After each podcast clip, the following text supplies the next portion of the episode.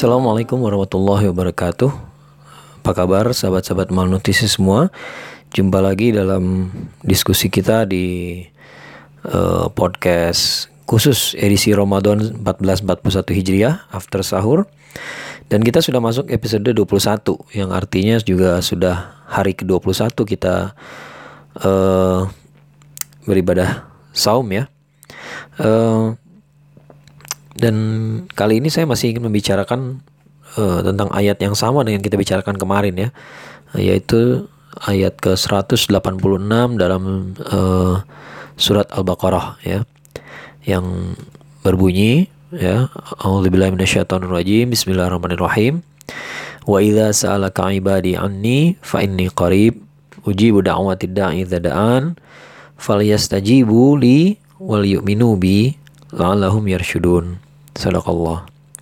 Jadi dalam ayat ini Allah Subhanahu wa taala berfirman kurang lebihnya dan kalau hambaku bertanya tentang aku maka aku dekat ya fa inni qarib maka aku dekat ya dan uh, uji budawah tidak idadaan aku mengabulkan doa mereka selagi mereka berdoa kepadaku Uh, maka jawablah seruanku dan berimanlah kepadaku supaya kamu dapat petunjuk ya. Kurang lebihnya demikian terjemahannya ya. Nah uh, tapi saya masih masih ingin fokus pada bagian pertama ya karena ini kalimatnya menarik sekali gitu ya. Uh, kalau ada hambaku bertanya tentang aku ya maka aku dekat ya. Artinya maka aku dekat itu jawaban yang cukup sebenarnya ya. Yang cukup untuk semua pertanyaan kita, ya untuk semua per persoalan kita. Ini ada suatu hal yang menarik dalam uh, di majalah Panji Masyarakat ya. Dulu ada majalah namanya majalah Panji Masyarakat. Uh, edisi pertama sekali, edisi perdana tahun 1959 ya. Uh, uh, waktu itu uh, pemimpin redaksinya adalah Buya Hamka ya dan Buya Hamka menulis uh, menulis secara rutin dalam dalam majalah tersebut ya. Nah, di edisi pertama itu beliau mengawalinya dengan uh, apa ya dengan sebuah artikel yang berjudul Istiqomah ya.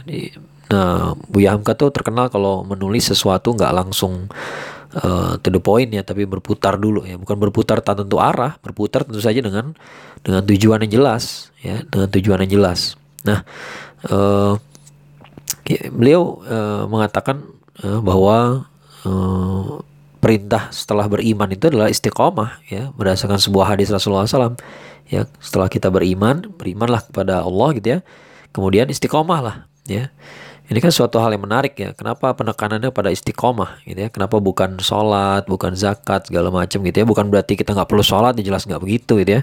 Itu tafsir yang terlalu liberal barangkali gitu ya. Ya nggak begitu juga karena begitu kita beriman sama Allah, maka kita beriman sama utusannya juga sama Rasulullah SAW. Nah Rasul kalau beriman sama Rasulullah SAW pasti dong kita beriman juga ketika Rasulullah SAW mengatakan ya sholat sebagaimana aku sholat ya jadi jangan jangan diacak-acak ya seolah-olah uh, oh tuh yang penting kita beriman ya kita nggak perlu sholat gitu. Ya sholat itu bagian dari bukti bahwa kita ini beriman ya. Kalau nggak sholat berarti nggak beriman ya. Kalau nggak sholat berarti tidak beriman. Kenapa? Lah katanya beriman sama Allah tapi kok nggak percaya sama utusannya ya. Kemudian kalau beriman sama utusannya kenapa nggak ngikutin utusannya? Utusannya sholat ya kita harus ikutan dong ya. Kita diajarin sholat maka harusnya uh, kita juga uh, mengikuti ya saumnya kita ikuti sholatnya kita ikuti zakatnya kita ikuti uh, berbakti apa uh, uh, bersikap baik pada sesamanya harus kita ikuti ya jihadnya kita ikuti ya dan seterusnya ya. Uh, jadi kenapa sih istiqomah itu seolah-olah cukup gitu ya? Cukup dalam arti ya kok setelah iman istiqomah sesederhana itu gitu ya. Memang ini uh, sebuah bentuk penyederhanaan gitu ya penyederhanaan ya. Sama kayak tadi iman itu pun sebuah penyederhanaan gitu ya. Eh, nggak sekedar iman percaya lalu beres nggak begitu. Tapi kalau percaya maka ada konsekuensi berikutnya ya. Nah tapi ini juga sebuah penyederhanaan. Setelah beriman maka istiqomah lah ya. Apa sih maksudnya? Kalau kata uh, kalau menurut Buya Hamka pendeknya dari artikel tersebut gitu ya. Saya simpulkan. Uh, beliau mengatakan kita ini hidup akan mengalami macam-macam ya akan mengalami uh, segala macam hal. Jangan mengira kalau kita sudah beriman lalu hidupnya lempeng-lempeng aja, nggak juga.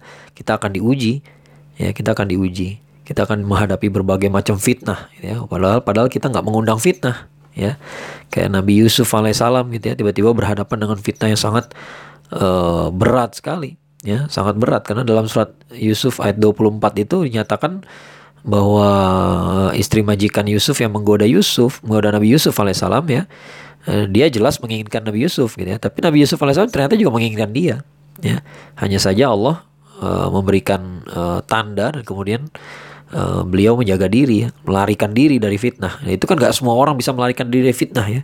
Ya, kebanyakan ya kebanyakan orang nggak lari dari fitnah. Ya, malah menerjang ya, malah nekat gitu ya.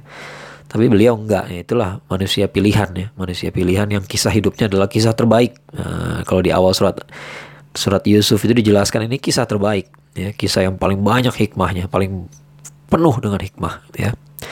Dan gak mudah meniru Nabi Yusuf alaihissalam ini ya. Uh, uh, kita ini akan mengalami banyak hal ya macam-macam ya. Kalau kita mengalami kesenangan ya kita bisa mengalami keterpurukan ya. Uh, apa kita akan mengalami keraguan ya jangan berpikir kalau sudah beriman uh, iman itu naik turun ya kan gambarannya begitu ya iman tuh naik turun hati terbolak-balik kadang-kadang sholat itu mudah Kadang-kadang qiyamul lail tuh gampang, kadang-kadang beratnya bukan main, ya. Kemudian imannya naik turun pula kadang-kadang uh, apa? Kadang-kadang kita mudah bersyukur, mudah bersabar, tapi kadang-kadang sulit juga, ya, nggak gampang, ya. Kadang-kadang karena kita sudah Oh ya mungkin sudah mungkin kebetulan dalam sehari banyak masalah gitu ya. Tiba-tiba kita berkesimpulan oh ini hari yang sial. Nah itu kan nggak boleh kalimat kayak begitu ya. Ya kita ya kita sih bisa katakan gak boleh kalimat kayak begitu tapi sekali waktu ya bisa jadi kita akan terjerumus juga di kesalahan yang satu itu. Ya bisa jadi kita juga akan mengutuki keadaan mengutuki waktu mengutuki hujan misalnya gitu ya.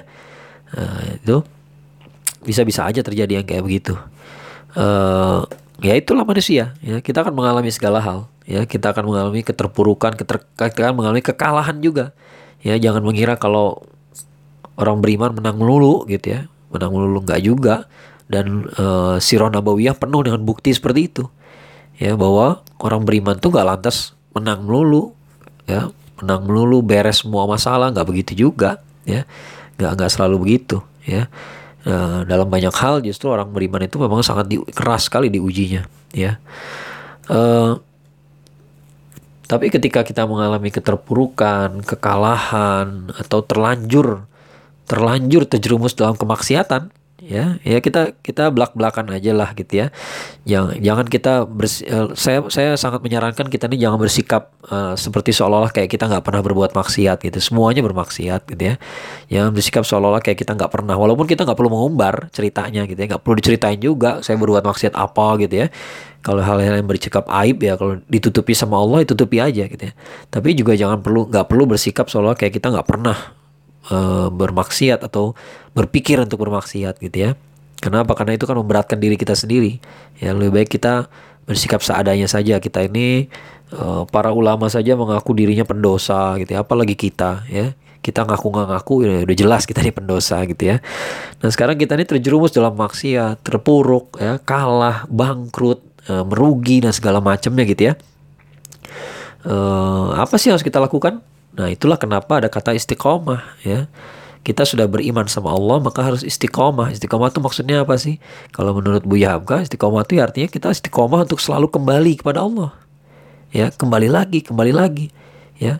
Ya kita ini kita ini bukan bukan malaikat yang nggak punya hawa nafsu. Jadi pasti uh, sekali waktu kita akan menyimpang nih dari jalan yang lurus. Tapi begitu udah sadar, istiqomah balik lagi. Balik lagi aja ya nggak usah berprasangka macam-macam Allah akan nerima kita kembali apa enggak? Allah akan akan menerima taubat kita apa enggak? Itu nggak perlu nggak perlu dibahas gitu ya. Kita udah pernah bahas dalam uh, episode-episode sebelumnya ya bahwa namanya tau namanya juga taubat. Taubat itu artinya kembali kepada Allah. Ya artinya Allah Allah menunggu kita.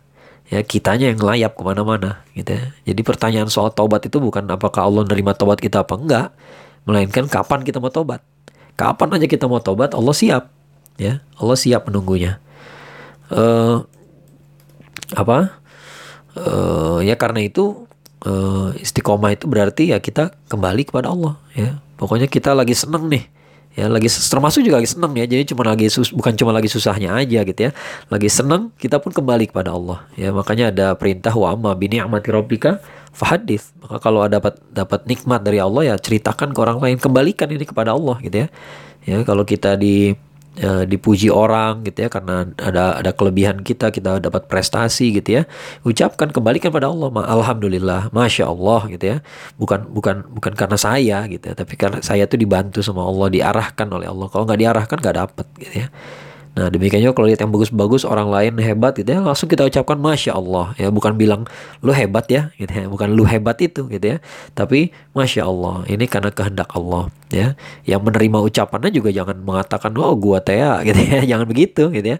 Tapi katakan saja ya ya kalau kata-kata dalam Al-Quran gitu ya hadza min fadli rabbik ya jadi hadza min fadli rabbi jadi ini adalah kelebihan yang keutamaan yang Allah kasih kepada saya ya. Yang Allah kasih ya. Tandanya dia nggak punya kalau nggak dikasih ya.